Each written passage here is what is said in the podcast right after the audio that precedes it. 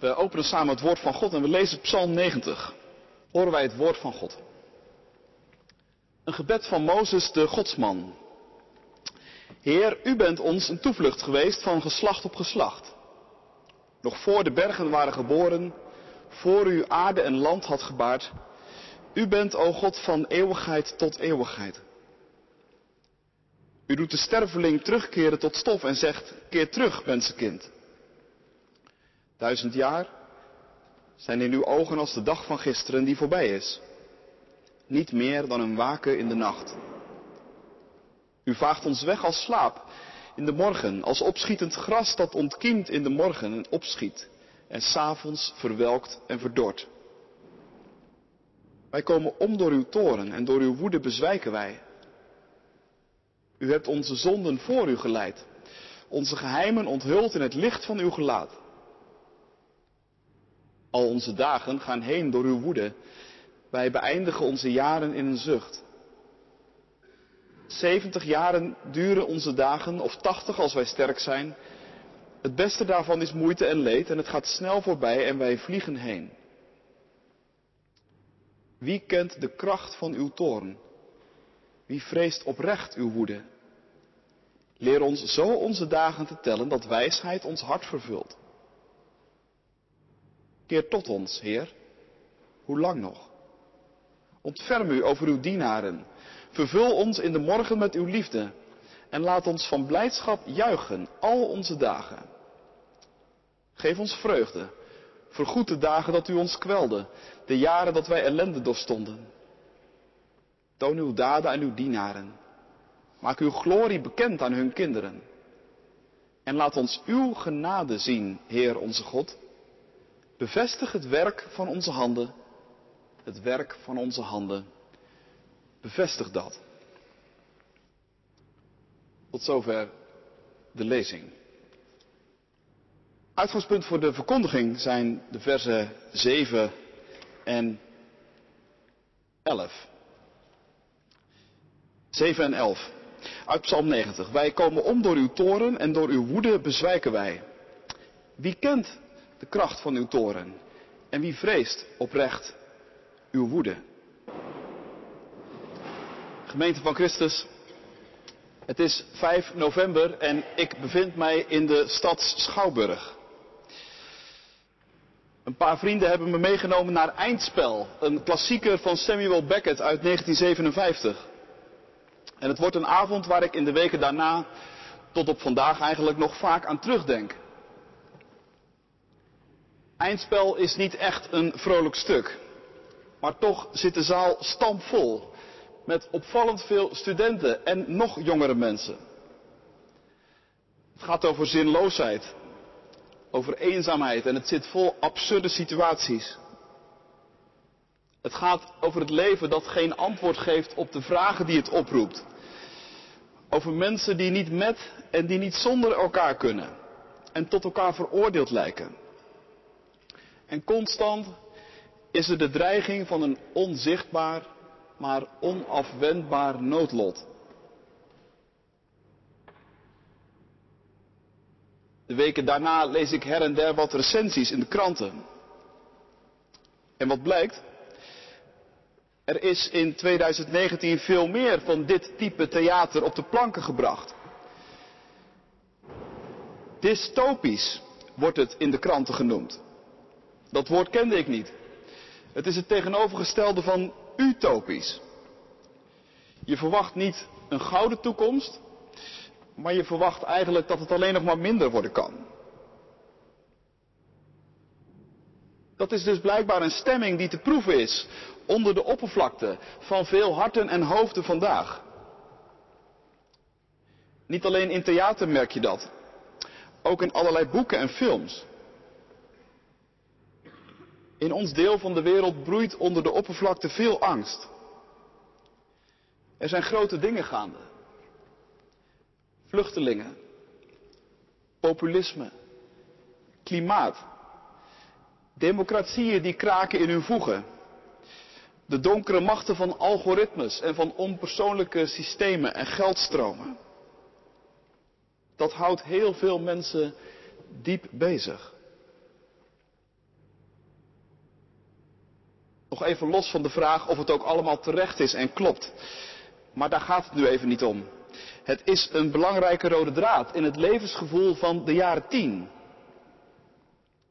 Al die grote en moeilijk te pakken dingen bij elkaar opgeteld, geven veel mensen het gevoel dat dingen bezig zijn uit elkaar te vallen en te vergaan. En met de feiten aantonen dat het misschien toch wel meevalt, dat lijkt niet echt te helpen.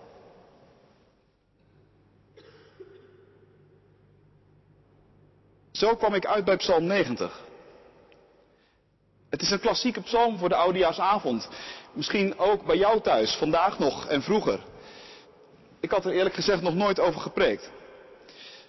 Het is een psalm die je op een bepaalde manier gerust dystopisch zou kunnen noemen. Er blijft niet veel van ons heel. We keren terug tot stof. We zijn als gras. En ja, we vergaan. Maar waardoor eigenlijk? Niet door klimaatverandering. Niet door de stikstofcrisis of door het instorten van welke beschaving dan ook maar. Nee, zegt deze psalm, wij vergaan door uw toren. Nou ja, zeg je, moet dat er nou ook nog bij? Alsof al dat andere nog niet genoeg is. Nu, toch zou ik vanavond het met jullie willen hebben over de toren van God. Ik heb het daar niet zo vaak over. En het is in veel kerken ook bepaald geen populair thema. En dat is ook wel te begrijpen. Als het gaat over de toren van God, dan is er in het verleden een heleboel bangmakerij gebeurd. Bangmakerij die meer met de psychologie van de prediker te maken had. Of met perverse mechanismes van macht in kerken of andere sociale verbanden. Veel meer met de duistere krachten van een mensenhart dan met de stem van de levende God. Het spreken over de toren van God heeft niet zelden de plank ontzettend misgeslagen. En diepe sporen van vernieling in levens van mensen getrokken. We wagen ons dus wel, zou je kunnen zeggen, aan een riskante onderneming. Maar het omgekeerde is ook waar. Heeft zwijgen over de toren van God nou zoveel beters opgeleverd? Is het niet zoals Jezus in de gelijkenis zegt? Je kunt de ene duivel wel eruit zetten, maar als er niks beters voor in de plaats komt, dan komen er zeven voor terug. Want niet langer bang voor God, lijkt het nu wel alsof we overal bang voor aan het worden zijn. Waar de dominee eeuwenlang succesvol hel en verdoemenis predikte, gelooft de goede gemeente nu in de dystopie, sneerde een seculiere columnist. Dat klinkt dus als van de regen in de drup. En de vraag is, kun je daar ook weer uitkomen? En hoe dan? Ik denk van wel. Door opnieuw te leren rekenen met de toren van God. Want als je bijbels over de toren van God leert denken, dan hoef je voor een heleboel andere dingen niet meer bang te zijn.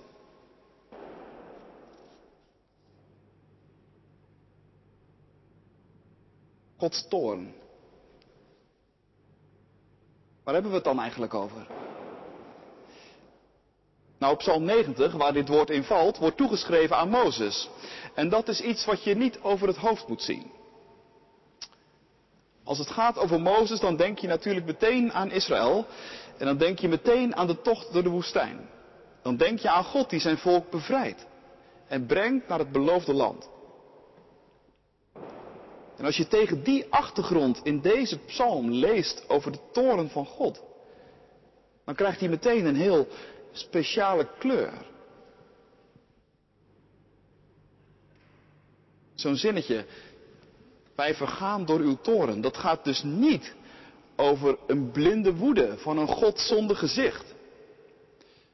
Het gaat niet over een onberekenbare macht ver boven je, waar je continu voor op je hoede moet zijn. Nee, Gods toren is de verontwaardiging van een God die bezig is zijn volk te bevrijden. Die van zijn schepping houdt. En die zijn liefde verklaart aan mensen. En die zijn goedheid met bakken tegelijk aan ons kwijt wil. Maar die ook merkt dat dat maar zo mondjesmaat of soms helemaal niet wordt beantwoord. En die zelfs dan niet onberekenbaar losbarst. Zoals wij dat nog wel eens kunnen doen. God is traag tot toren, zegt een andere psalm. Hij laat zich niet door zijn woede meeslepen. Hij is er geen slachtoffer van. Hij hoeft niet later nog ergens op terug te komen en dan te zeggen: Het spijt me zo, want ik was even mezelf niet. Mijn emoties gingen te veel met me aan de haal.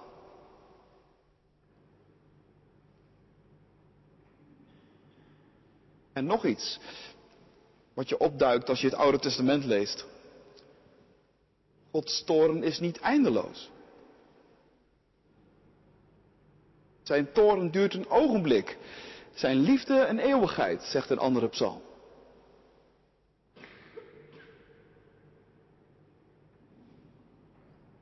Ik hoop dat je dat goed aanvoelt vanavond.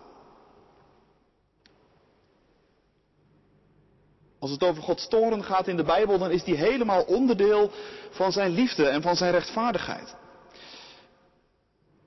Gods toren is een hele gerichte toren. God is verontwaardigd over liefdeloosheid en over onrecht.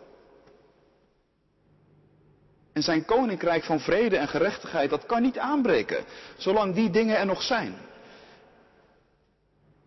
Die kan pas aanbreken als het onrecht weg is. En als er helemaal nieuwe verhoudingen zijn geschapen.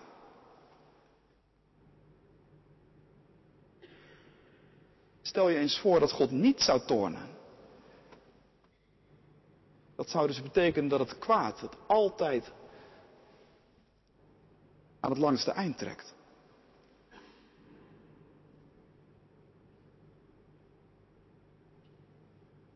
Is dat nou alleen maar zo in het Oude Testament?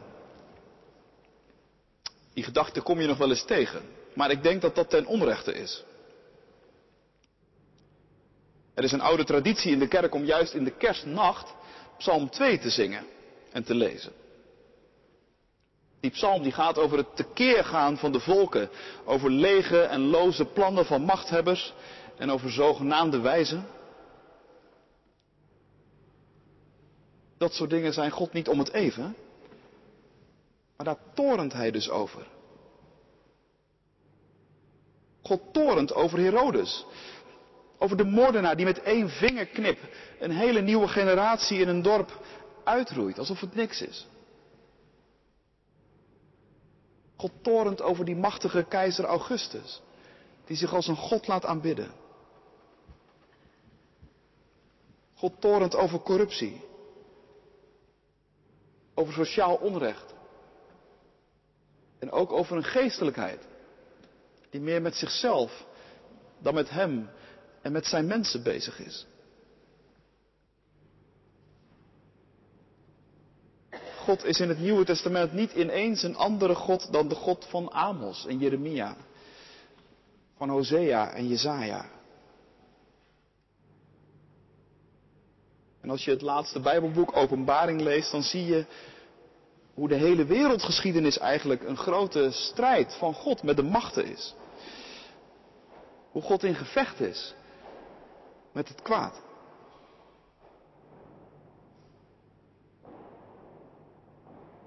Er is in de Bijbel dan ook voortdurend en zeker ook in Psalm 90 een huiver voor Gods toren.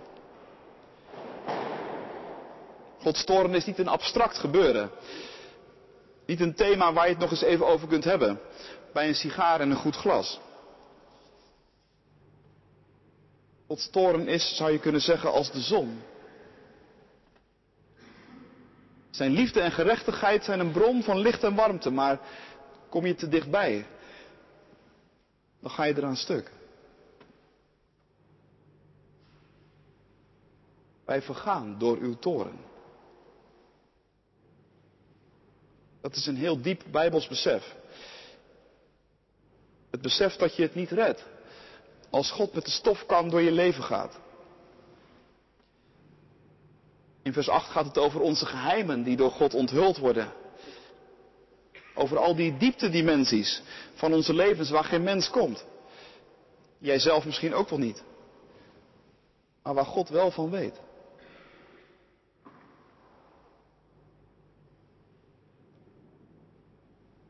Toen er ooit aan de Britse schrijver Gilbert Chesterton gevraagd werd: wat is er mis met deze wereld? Toen schijnt hij een kort briefje te hebben teruggeschreven. Met ik, meneer, erop. Dat is helemaal het besef van Psalm 90. Als het over Gods toorn gaat, dan gaat het niet aan om alleen maar naar een ander te wijzen. Dan volstaat het niet om overal en nergens dingen en mensen en situaties aan te wijzen waar God vast en zeker vertorend op is. Terwijl je jezelf buiten schot houdt. Spreken over Gods toren. Dat betekent ook dat wij ik leren zeggen. Ondertussen is er nog één vraag onbeantwoord. Dat is de vraag die de psalm stelt in vers 11. Wie kent de kracht van uw toren? En wie vreest nou oprecht uw woede? Dat is een vraag die bescheiden maakt. Want ja, wij kunnen wel iets zeggen over de toren van God en ik denk dat dat ook goed is. Wij weten dat Gods toren dus geen blinde woede is, maar een terechte, liefdevolle verontwaardiging. We weten dat God traag tot toren is. En dat zijn toren in tegenstelling tot zijn liefde tijdelijk is. Maar dat zijn toren ook iets is om voor te huiveren. Omdat niemand van ons eraan ontkomt.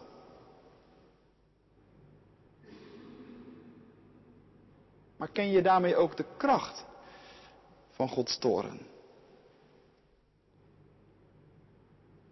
Dat is een retorische vraag. Het antwoord is dus blijkbaar nee. En vrees je zijn woede oprecht? Dat is ook nog maar de vraag. Als het over Gods toren gaat, moeten wij dus ook erg goed op onze woorden passen. En misschien wel nog veel meer zwijgen dan spreken. We weten ook heel veel niet. In ons spreken en in ons denken sluipt zomaar een heleboel menselijks, een heleboel al te menselijks binnen. Zomaar een heleboel angst en projectie van onszelf, dat we dan op de eeuwigheid projecteren. En wij weten ook echt niet hoe Gods toren zich precies verhoudt tot het concrete wereldgebeuren. Tot dingen in het groot. En tot dingen in het klein. In onze eigen levens van de afgelopen jaren.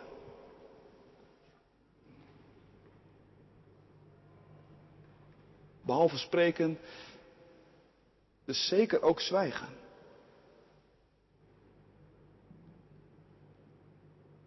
Ondertussen staat die vraag dus nog wel. Wie kent de kracht van Gods toren? Is er dan niemand die daar iets over te zeggen heeft? Zeker wel. Er is er één die de kracht van Gods toren kent als geen ander. Dat is God zelf. Hij is traag tot toren, weet je. Zijn toren is om voor te huiveren, maar hij is er niet op uit. Dat jij en ik eraan onderdoor gaan. Daarom kwam hij naar ons toe. En is hij in Jezus onder ons komen wonen. En heeft hij in Jezus ook de diepte van zijn eigen toren aan zichzelf voltrokken. De rechter, zegt een lied, gaat aan zijn eigen recht ten onder. Jezus doorleeft de toren van God. Jezus doorleeft onze diepste angst en verlatenheid. Opdat wij nooit meer door God verlaten zouden worden.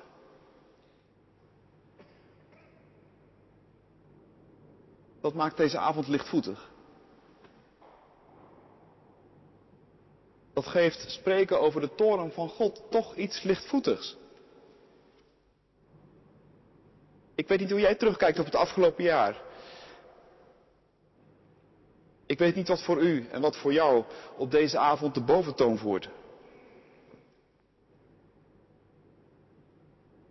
Leer ons zo onze dagen te tellen, zegt deze psalm, dat wijsheid ons hart vervult. Dat hoop ik. Voor het jaar dat voor ons ligt ook.